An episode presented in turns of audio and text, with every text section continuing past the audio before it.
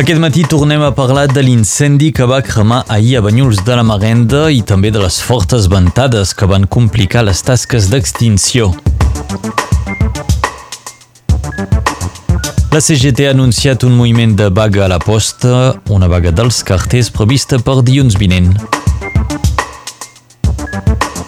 I a Catalunya Sud els vinyaters van fer vaga ahir protestaven pel baix preu que els cellers volen pagar pel raïm.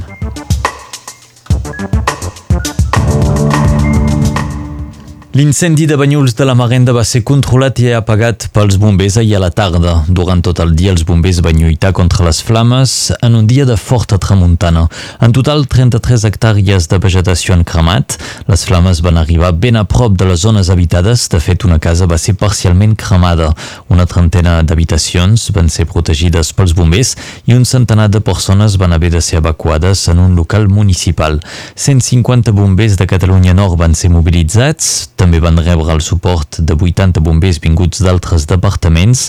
Aquesta passada nit els bombers han estat seguint vigilant la zona per evitar possibles revifalles i la tramuntana va bufar fort. Ahir es van registrar ràfegues de 140 km per hora al cap de Biarra. A Perpinyà les ventades van fregar els 100 km per hora a mitja jornada. Aquell vent de tramuntana encara hauria de bufar amb força fins a principis de setmana entrant, tot i que afluixarà un poc respecte a la jornada d'ahir. Una dona ha estat lleugerament ferida en un accident de circulació quan ha xocat contra un cavall. L'accident s'ha produït aquesta matinada cap a les 5 del matí entre Canus i Toluges. L'animal s'havia escapat d'una granja. Els socorristes han estat obligats de matar l'animal amb una injecció per culpa de les ferides greus que ha patit. Diverses manifestacions són convocades avui per dir prou als pesticides.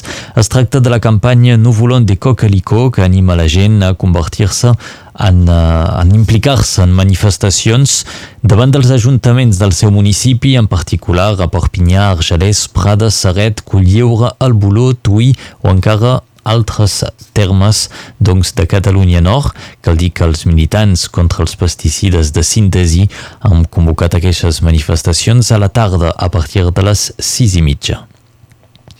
El ministre de Cultura francès, Frank Rister, va visitar ahir les exposicions del Visa per la Imatge.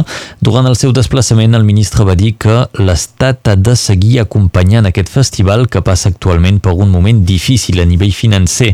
Rister també va destacar la importància del mestier de fotògraf i va recordar que l'Estat prepara una reforma de l'audiovisual perquè aquests oficis puguin aguantar la crisi lligada a l'arribada del numèric.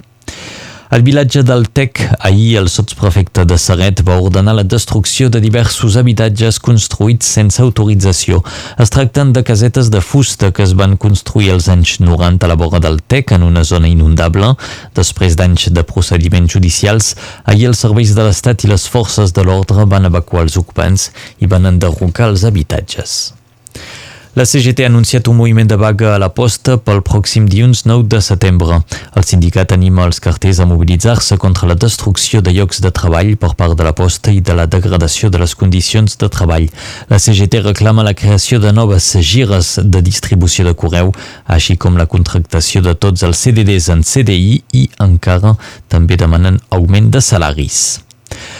A Catalunya Sud, els vinaters van fer vaga ahir per deixar d'acollir el, el RIM per protestar pel baix preu que els cellers volen pagar pel raïm durant aquesta brema.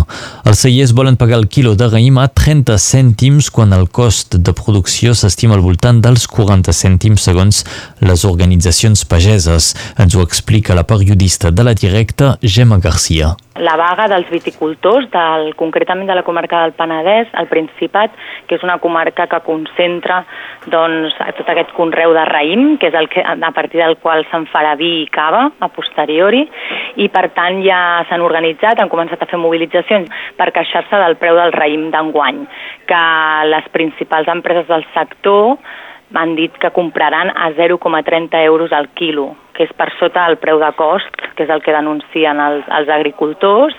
Porten dies escalfant motors, s'han fet concentracions, s'han fet assemblees on, on han acudit diferents agricultors de la zona, eh, estan implicats doncs, les organitzacions sindicals i les diferents entitats, i a més és interessant que també posem el focus en que el jovent, el jovent viticultor ha agafat molta empenta i està liderant i ha fet un col·lectiu de joves viticultors del Penedès que han agafat bastant la, la paella pel mànec. Nos ho explicava la periodista la directa Gemma Garcia. La vaga d'ahir va tenir un seguiment important amb una marxa lenta de tractors que va acabar davant de les empreses Codorniu i Freixenet, dues grans empreses que han passat a mans de multinacionals que contribueixen a mantenir un preu baix de la producció de raïm. En canvi, van quedar al marge de la protesta els cellers que han decidit pagar més per al quilo de raïm. Aquests paguen 60 cèntims per quilo. Un jutge ha citat a declarar com a investigats vuit inspectors en cap de la policia espanyola per les càrregues policials de l'1 d'octubre. Són els responsables dels operatius que van intervenir en 27 centres de Barcelona. Aquesta resolució recolza en una decisió de l'Audiència Provincial de Barcelona del mes de febrer que establia que calia aprofundir la investigació i determinar quines ordres s'havien donat i si se sabia quines conseqüències podien tenir. Quim Torra va ser, es va expressar ahir a Madrid, va viatjar a la capital espanyola i va deixar oberta la possibilitat de no presentar-se al judici al Tribunal Superior de Justícia de Catalunya si no es canvien les dates del 25 i 26 de setembre que coincideixen amb el debat de política general al Parlament. El president també es queixa que no se li garanteix el dret a un tribunal imparcial, per això el president de la Generalitat es planteja recusar tots els jutges del tribunal. Avui comença la 37a setmana del llibre en català a l'Avinguda de la Catedral de Barcelona. Es tracta de la fira de llibre en llengua catalana més important de tot l'any. Els lectors hi trobaran parades de llibres, sessions de dedicatòries amb els autors i moltes activitats per tota la família. La 37a setmana del llibre en català a Barcelona comença avui fins al 15 de setembre. Els esports, els dracs catalans jugaran avui un match intrascendent, ja que no s'hi juguen res més en guany a la Superliga. Avui els dragons afrontaran Wigan a l'exterior. El match començarà a les 8 i mitja del vespre.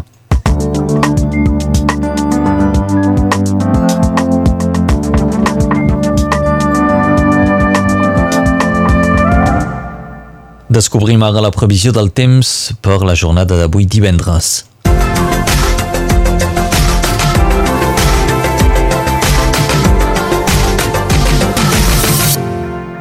Segons la previsió, per avui i aquest cap de setmana seguirà la mateixa tendència que ahir. Divendres amb sol i cel blau durant tot el dia i a tot Catalunya Nord, doncs. A notar, però, que continua bufant la tramuntana a la plana del Rosselló, la vall de la Gli i el litoral.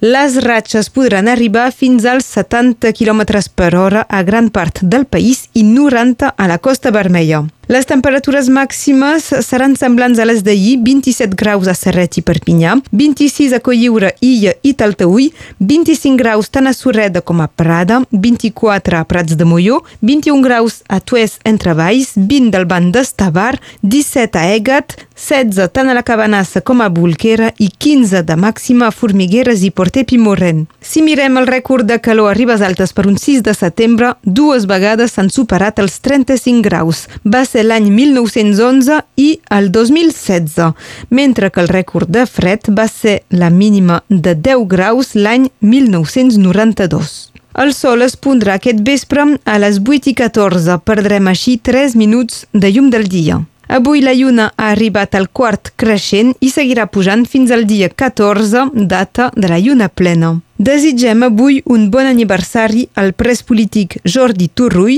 així com a l'antic jugador de rugbi Oriol Ripoll. Avui som el dia de Santa Eva i de Sant Zacarias i la frase del dia que destaquem diu així Per Sant Zacarias s'escurcen els dies.